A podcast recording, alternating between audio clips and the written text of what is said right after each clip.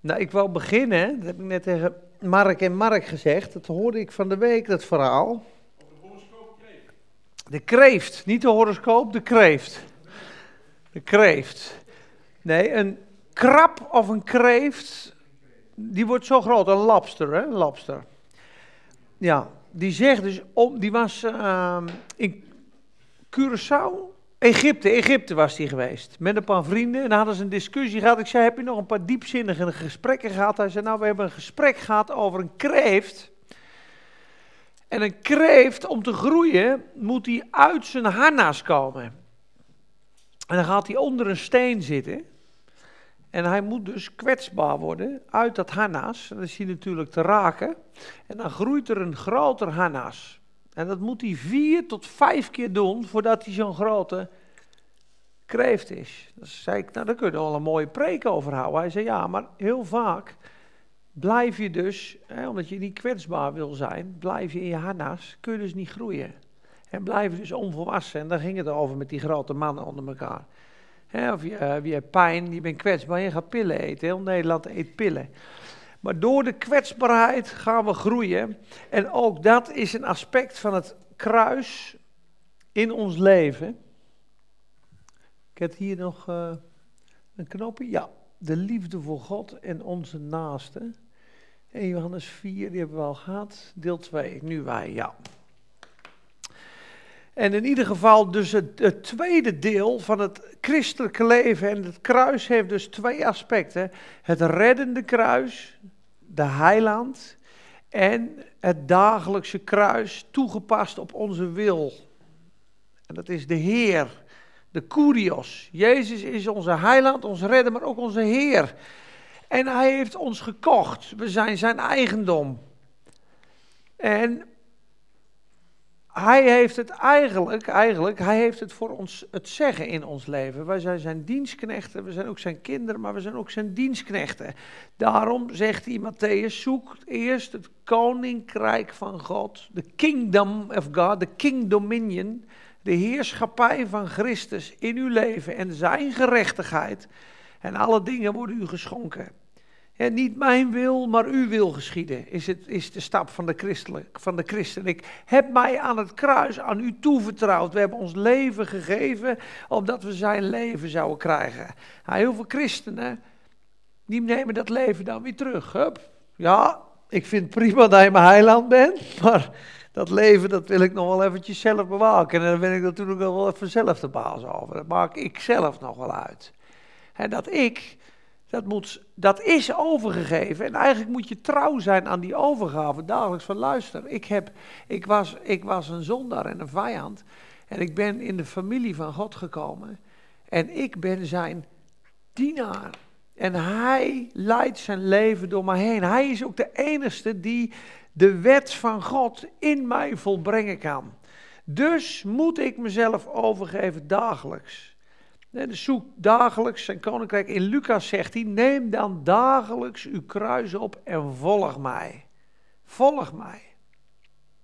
En ieder die mijn discipel wil zijn, die verloochenen zichzelf. Als je iemand verloochent, en dat doet Petrus, die verloochent Jezus, die ken ik niet. Dat is verloochenen. Dus eigenlijk, die ken ik niet meer. Dat is, dat is de oude Peter, dat is de oude Nanny, hè, heet je toch, schat? Nanny, hè, noemen ze. Ja, de oude Nanny die verlogen ik. Ik sterf aan die agenda. En ze zeggen het kruis, het dagelijks kruis is eigenlijk dit. Hè? Op het moment dat jouw wil en Gods wil elkaar kruisen. Dan komt dat kruis. Ik wil niet vergeven, maar God zegt vergeef. Heb je vijanden lief? Ja, maar dat ga ik niet doen. Dat is een vervelende vent. Nou, dat is niet Gods weg. Op het moment dat je zegt, nou, ik wil het eigenlijk niet. Maar God zegt dat ik moet vergeven. Ik kies, ik kies koste wat kost om te vergeven. Dat doet me heel veel pijn. Er komen waarschijnlijk ook tranen bij vrij. Ik zegen hem dat hij mij zo ontzettend vernederd en gekwetst heeft. Toch zegen ik hem. Ik reken het hem niet aan. Dan ga je eigenlijk voor hem aan het kruis. Dan zeg je eigenlijk, ik, nou, ik, ik neem het op me. Ik verdraag dit onrecht op ter wille van Christus. Dat kun je heel mooi lezen in de 1 Petersbrief. Als je dat nou doet, ben je eigenlijk als die kreeft die uit dat harnas gaat in zijn kwetsbaarheid, dat doet pijn. En dan ga je groeien. Groeien in heerlijkheid, groeien in geloof, groeien in kracht, groeien in godsvrucht. En daarom, als we Jezus gaan volgen, ligt er heel veel zegen en ligt er heel veel blijdschap klaar. Alleen we kunnen het niet in onze eigen kracht. Dus we moeten ons overgeven aan de Heilige Geest. Er is geen andere mogelijkheid. Ik heb alle trucendozen opengetrokken. Ik heb alle mogelijke manieren in mijn leven wel getest. Of het ook anders kan. Maar het kan niet anders dan dat je je overgeeft aan God en zegt: Heere, ik stop ermee, doet u het maar in mij. Dat is de hoop op de heerlijkheid, Christus in u. U bent mijn Heer, u bent mijn leidsman, u bent mijn herder, u bent het licht op mijn pad. En dat zie je ook hier, ik heb de teksten erbij gezet. De Heer zal u doen toenemen en overvloedig maken in de liefde tot elkaar en tot allen. Dus Hij doet dat in je. Maar dan moet je wel dat toestaan. Dus je zegt, Heer, ik geef u volle ruimte om in mij te werken. Verander me maar als ik me als een idioot gedraag tegen mijn vrouw. Als ik te veel roddel, ik kan er niet mee stoppen. Ik geef dat aan u. Maak maar rein voor u. Werk in mij. Dat is de heiliging. En de Heer richt uw hart op de liefde van God. Nou, op het moment dat je dat gaat doen, ga je ook geestelijk groeien en word je ook een discipel. En een discipel is een leerling, is een volgeling. En Jezus zegt, het is goed als een leerling worden als zijn meester. En iedere leerling die dan volwassen is geworden, Lucas 6, vers 40, zal zijn zoals zijn meester. Dus dat is het uiterste. Wat een kind van God kan, kan worden, is dat hij is zoals zijn meester. En dat is eigenlijk, zijn meester is in hem openbaar geworden. Christus leeft in ons. Het moment dat wij zeggen, dat oude, die oude oes, die gooi ik eraf, dat hij openbaar mag worden. Nou, er zijn mensen die zijn zo aan de kant gestapt, om maar even zo te zeggen, dat de Heer Jezus volledig het voor het zeggen hebt. Ik heb wel eens met zo iemand gepraat, dat de kracht van de Heilige Geest op die persoon was zo ontzettend sterk, dat ik echt niet kon begrijpen dat iemand zo, veel, zo vol van de Heilige Geest kon wezen. En dat, dat idee wat ik kreeg, ik denk, die man die lijkt wel een huls. Gewoon een lege huls met de Heilige Geest. Het, lijkt wel een robot. Die hoort links, zeg het maar, links, rechts. Net of die of die gewoon afgestemd was op God. En ik doe alleen wat ik God hoor zeggen, net als Jezus. Ik doe alleen wat ik de Vader zie doen. Moet je nagaan dat hij op een gegeven moment spuugt in iemands zijn ogen. Dat hij klei maakt bij Bartimeus en dat in zijn ogen. Dat zijn hele aparte dingen. Dat hij dat tempelplein schoonvreegt. Hij deed vreemde dingen, Heer Jezus. Op dat feest, dat Loofhuttenfeest, Johannes 7. En moet je nagaan, dat is gewoon een degelijk feest. Moet je, nou, je bent op een bruiloft, die gaan op een tafel staan. En ineens, op de laatste dag van het feest, met grote stem, riep Jezus: Indien iemand dorst heeft, laat die komen tot mij en laat die drinken. Ja, dat is natuurlijk een te gekke actie. Maar dat was de wil van God. En indien iemand tot mij komt, de stromen van levend water zullen uit zijn binnenste vloeien. Jezus was een aparte vogel. En lees maar eens in Marcus 3, 3, vers 21, staat zijn eigen familieleden grepen Jezus met kracht, want ze zeiden hij is helemaal gek geworden. Zijn eigen familieleden grepen Jezus met kracht, want ze zeiden hij is gek. En wat was hij aan het doen? Hij was demonen aan het uitdrijven op dat moment. Dus als we echt doen wat Jezus, wat God wil en wat Jezus wil doen, dat hij zichzelf kan zijn in ons, kom je in een hele vreemde situatie. En zullen mensen hier zeggen, ja, die is knetter. Die wordt, maar je wordt geleid door een andere geest.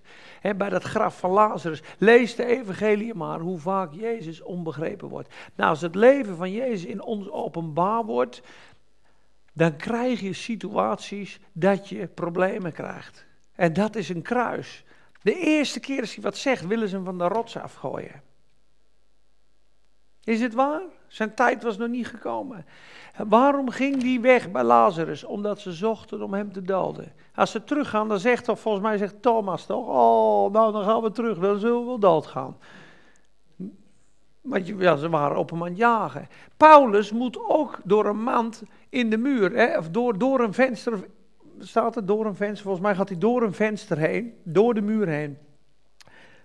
Voor, daarvoor was hij schriftgeleerde, was er niks aan de hand. Maar toen hij in het koninkrijk van God gekomen was, was hij een vijand van de duisternis, werd er op hem gejaagd.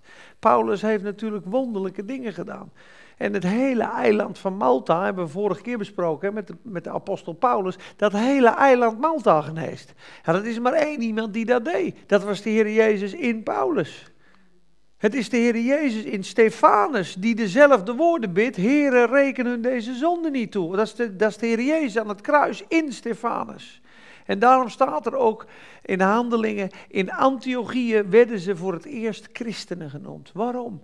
Omdat ze Christus zagen in die mensen. Dezelfde dingen, dezelfde handelingen. En dat is wat God wil doen. Hij wil zijn zoon door ons heen laten zien aan de wereld. Dat Jezus gezien wordt in ons. En of dat nou is in barmhartigheid, in vergeving, in nederigheid, in zachtmoedigheid of in werken van kracht en wondertekenen. zijn allemaal verschillende gaven in het lichaam. En de een zal zeggen, nou ik heb, eh, ik heb de gave van barmhartigheid, ik zorg graag voor de armen en ik zie gewoon de noden in, in het land. En de ander zegt, nou ik heb een ontzettende hekel aan demonen en ik wil graag de demonen uit de mensen drijven. En daar moeten we geen ruzie over gaan maken. Van jij doet dit en ik doe dat. Nee, we hebben allemaal onze taak. Ik ben van het onderwijs, een ander is weer van het profetie, die is weer van het evangeliseren en de ander is weer van de behulpsels. En je hebt volgens mij zelfs bedieningen van zaken, mensen. Staat er op een gegeven moment, zij die goed zijn en geld verdienen. Laat, dat staat er. Iedereen heeft een taak. En allemaal aspecten van de wijsheid van de Heer Jezus.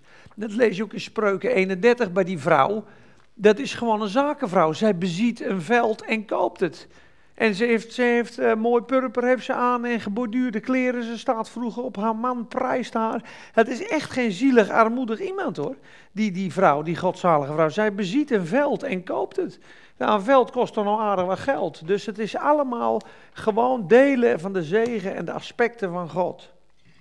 En ik, heb, uh, ik wil naar Johannes 14 gaan. Johannes 14 vers 21 tot 23. Ja. Dan gaan we een paar dingen delen en dan is het echt wel genoeg voor vanavond. Maar dit is heel mooi. Uh, hoe heb je God lief? Hè? Zou de vraag kunnen zijn. Hoe heb je God lief? Hoe doe ik dat dan? Nou, de Bijbel zegt heel simpel hoe je God lief kan hebben. In vers 21, wie mijn geboden heeft en die in acht neemt, die is het die mij lief heeft. Wie mij geboden heeft en die in acht neemt, die is het die mij lief heeft. En wie mij lief heeft, hem zal mijn vader lief hebben. En ik zal hem ook lief hebben en mijzelf aan hem openbaren. Zie je dat als je God lief gaat hebben en zijn woord gaat doen, dat het geschenk van God is dat Jezus zichzelf aan je gaat openbaren. En dat komt heel mooi overheen met Johannes 8. Indien gij blijft in mijn woorden, zijt gij waarlijk mijn discipelen en u zult de waarheid verstaan en de waarheid zal u vrijmaken. Indien dan uw zoon u vrijgemaakt zal hebben, zult gij waarlijk vrij zijn. Hoe kom je tot dat inzicht? Door te blijven in het woord. Dus wie is het die mij lief heeft? Die mijn geboden in acht houdt. Die is het die mij lief heeft. Judas, niet de Iscariot, zei tegen hem: Heere, hoe komt het dat u zichzelf aan ons zult openbaren en niet aan de wereld? Jezus antwoordde en zei tegen hem: Als iemand mij lief heeft, zal hij mijn woord in acht nemen. Zie je, daar is hij weer. Hè?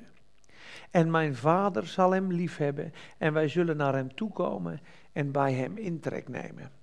Dus een van de zegeningen van het wandelen in de liefde en van het navolgen van Jezus is dat je hem gaat kennen. En dat staat weer in, schril contrast met bijvoorbeeld de volgende.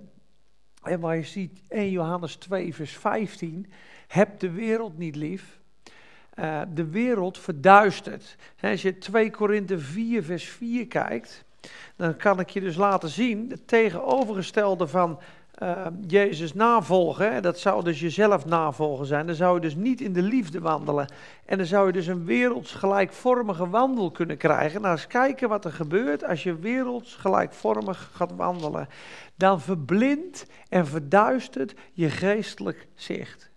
Dat staat er heel duidelijk. Kijk maar eens. Van hen, de ongelovigen, geldt dat de God van deze eeuw hun gedachten heeft verblind.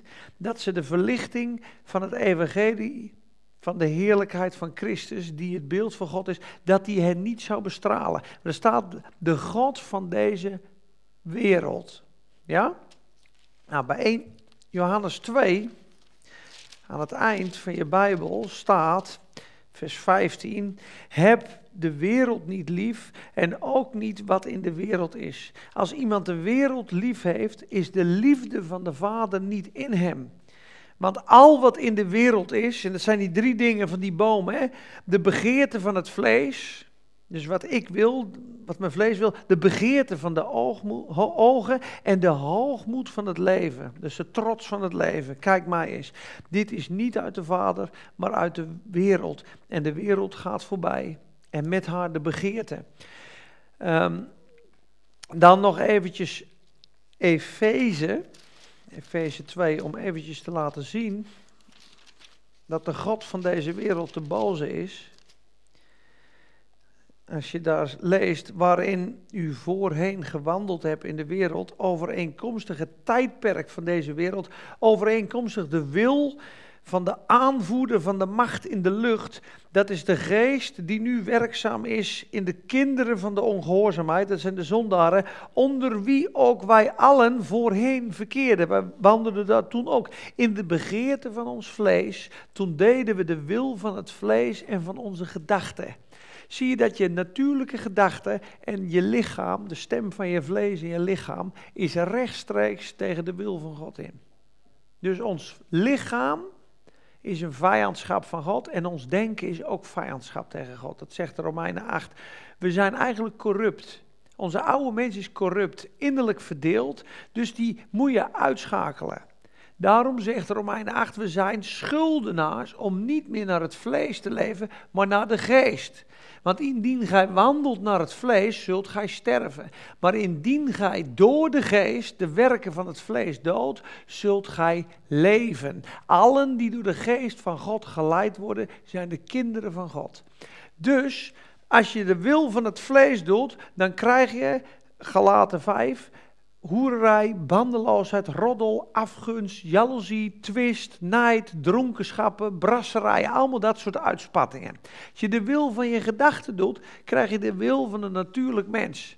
He, Romeinen 8, vers 6 zegt, het bedenken van het vlees, dus het natuurlijke denken, is vijandschap tegen God. Het onderwerpt zich niet aan God. Het kan dit ook niet. Zo zien wij dan, vers 7, dat zij die in het vlees zijn, natuurlijke mensen, kunnen God niet behagen. Maar wij zijn niet in het vlees, broeders. Indien de geest van Christus in u woont, zijt gij van hem. Indien iemand de geest van Christus niet heeft, die behoort hem niet toe. Nou, als de geest van hem die Christus uit de doden heeft opgewekt in ons woont, zal hij ons ook sterfelijk lichaam levend maken door zijn geest. Want dan is het lichaam wel dood vanwege de zonde, maar onze geest leeft vanwege de gerechtigheid. Dus er is maar één weg voor een christen om te leven en dat is in de geest. Op het moment dat je de werken van het vlees doet, ga je absoluut de weg van het, van het kwaad. Of je gaat een natuurlijk leven leiden, net als ieder andere zondaar. Dat staat weer in Efeze 4. Dus, wat moeten we doen? We moeten Jezus navolgen. Ik ga even terug naar de vorige, omdat we het over de openbaring hadden en de liefde. En dan gaan we uh, na Johannes 14, ga ik naar Johannes 15. En dan lees je namelijk een soort gelijk iets. En dan wil ik bijna mee afsluiten, anders wordt het echt te veel voor vanavond. Want ik denk dat jullie dit principe wel snappen. Overgave alleen samen met hem. Ja, ik heb dan nog één sheet daarna. Want je weet, in de evangelie is het de tekst die het meest voorkomt in de evangelie, dat die komt zeven of acht keer voor. En in Matthäus twee keer, Marcus, in Lucas. En dat is elke keer hè, wie mij lief heeft, die verloochenen dan zichzelf. Neem zijn kruis op en volg mij. Wie zijn eigen leven lief heeft, zal het verliezen. Maar wie zijn leven geeft, zal het vinden. Keer op keer op keer staat dat in de evangelie. En dat is het navolgen van Jezus. Goed, dus we zitten nu in Johannes 15. Even kijken. Johannes 15. En dan begin ik in vers 9. Dat is die mooie tekst. Waar we mee begonnen. Zoals de Vader mij lief gehad heeft, heb ook ik u lief gehad. Blijf dan in mijn liefde. Hoe blijf ik in mijn liefde? Kijk, kan, kan dat de vraag kunnen zijn. Hoe blijf ik in de liefde? Komt hij weer, hè? Als u mijn geboden in acht neemt, zult u in mijn liefde blijven. Dat is duidelijk eigenlijk, hè? Dus dit is niet de geboden houden om rechtvaardig door, bij God te worden. Wat heel veel mensen verschillen, we moeten de wet houden. Nee, dit is uit liefde als een wedergeboren christen in de kracht van de Heilige Geest. De, de geboden van God bewaren. Je broeder liefhebben, God navolgen. Zodra je dat doet, blijf je in mijn liefde. Zoals ik de geboden van mijn vader in acht genomen heb en ik in zijn liefde blijf. Dus Jezus wandelt net zo. Jezus gehoorzaamt de Vader en daardoor blijf je in de liefde.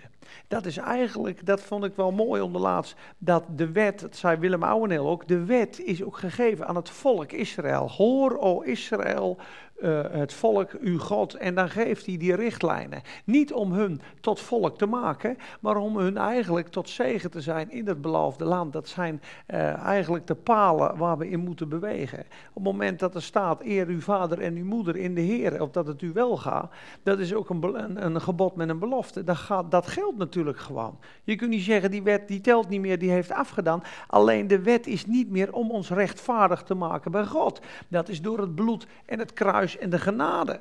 Maar de wet is nog zeker, die moet vervuld worden in ons. Hè. God liefhebben boven alles, dat, dat geldt nog steeds. De wet is vervuld in één woord, zegt Galaten. U zult uw naaste liefhebben als uzelf.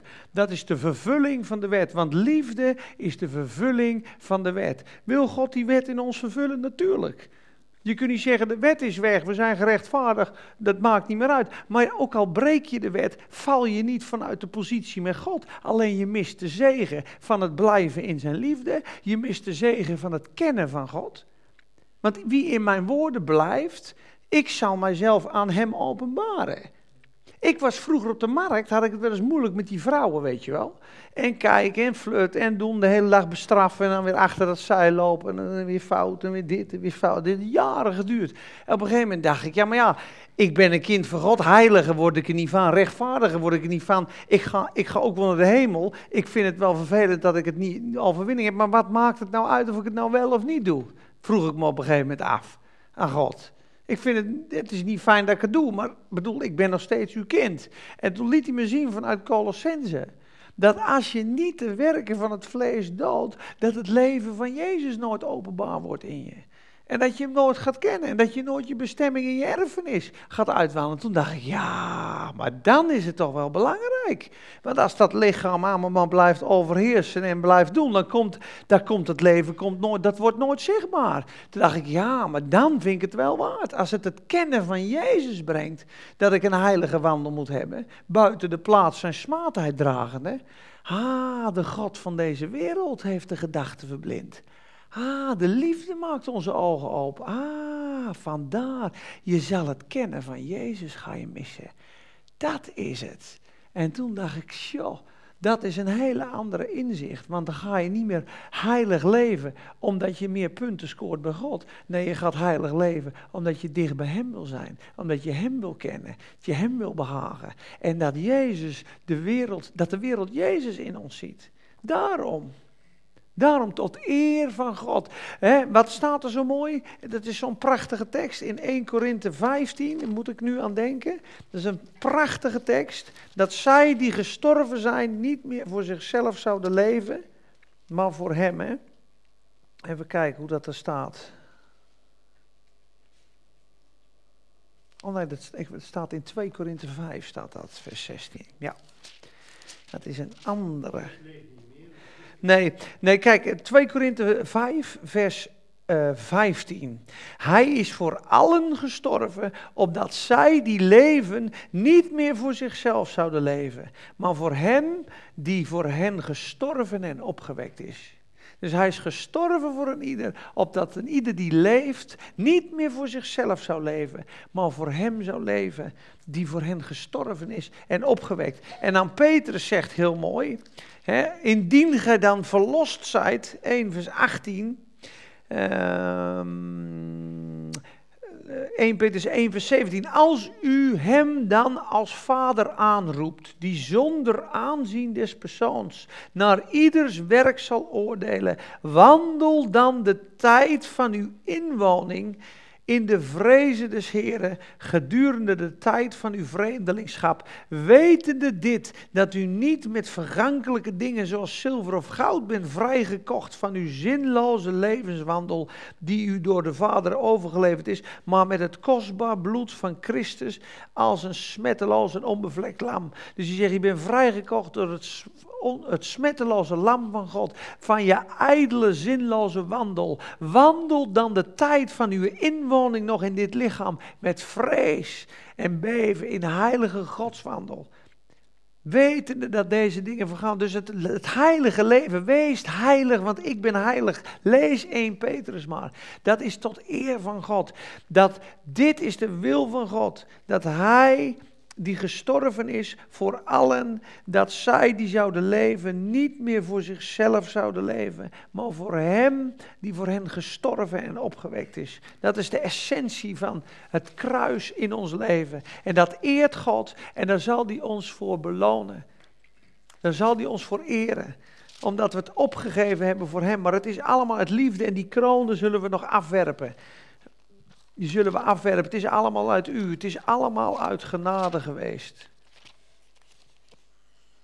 Johannes 15. Ik ga nog even verder. Want we waren bij vers, vers 10. Hè? Als, u, als u mijn geboden in acht neemt, zult u in mijn liefde blijven.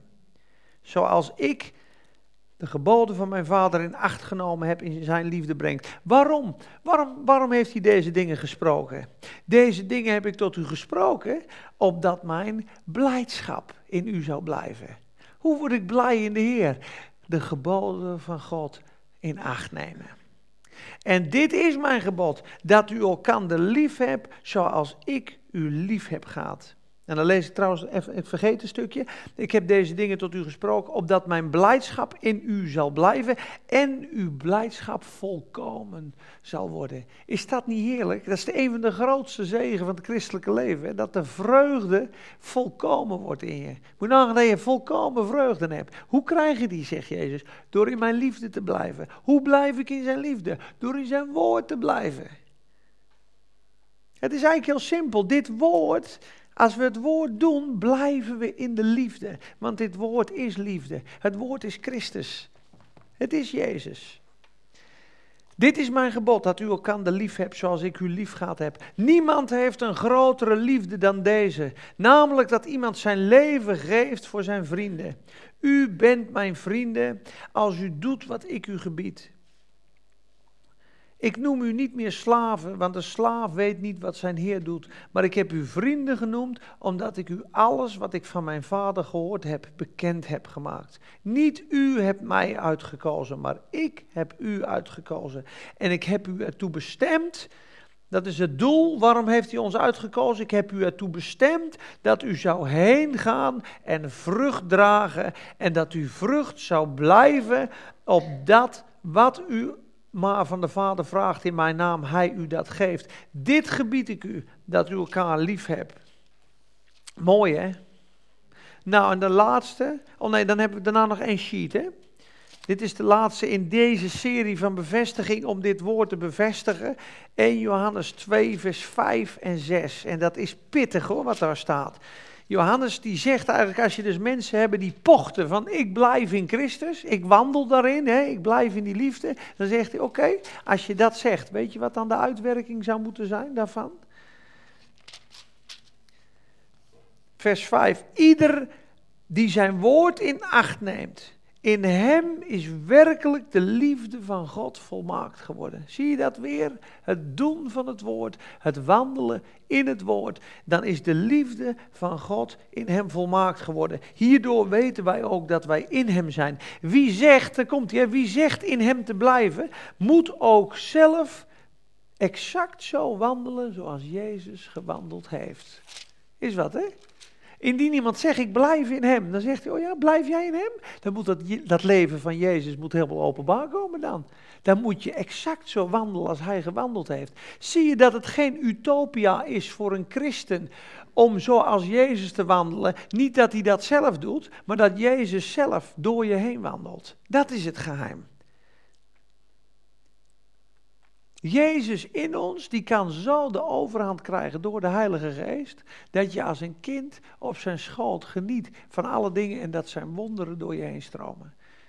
En er zijn echt mensen op de aarde die, zijn, die hebben de wonderen meegemaakt van de vermenigvuldiging van voedsel. In, in Mexico. Er is altijd genoeg, heet het boek, van Heidi en Roland Beker. Die hebben met één thermoskan soep 300 kinderen soep gegeven en de plastic bekertjes zijn vermenigvuldigd. Die heeft gebeden, Heer, er is niet genoeg, maar ik schenk maar gewoon. Ik schenk maar gewoon. En Jezus zei tegen haar, omdat ik gestorven ben aan het kruis, is er altijd genoeg. Dat boek heet Er is altijd genoeg. Ze werkt onder weeskinderen. En ze heeft ongeveer 60 kinderlijkjes van de vuilnisbelt opgehaald. Twee jaar mee gebeden, twee jaar uitgelachen.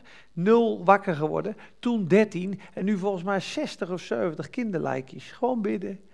Gewoon huilen. Oh Heer, laat uw geest, uw levensgeest terugkomen in dit kind. En die kinderen worden weer wakker. Dus de, dat is de Heer Jezus in Heidi Beker. Dat is niet zij. Ze heeft dus bijvoorbeeld 150 keer met een blinde gebeden en allemaal blind gebleven. Dus heel, heel ontmoedigend zou je zeggen. Maar ze is gewoon blijven bidden en na een jaar of zes, zeven, ik weet niet het aan ligt. Volgens mij zegt ze zelf van ik ben meer als een kind geworden dat hij nog meer door mij heen kan werken. Maar de blinde ogen zijn open gegaan. En op een gegeven moment kom je op dat niveau dat alles is mogelijk voor hem die gelooft. En het is geen sprookje, want Johannes 14 zegt dat. Voorwaar, voorwaar, ik zeg u, en ieder die in mij gelooft, de werken die ik doe, zal hij ook doen en groter nog dan deze. De discipelen, kijk maar naar Paulus, kijk maar naar Petrus, gewone mannen zoals jij en ik, deden grote wonderen. Stefanus, een discipel, deed grote wonderen teken onder het volk, want grote genade en kracht was op hem.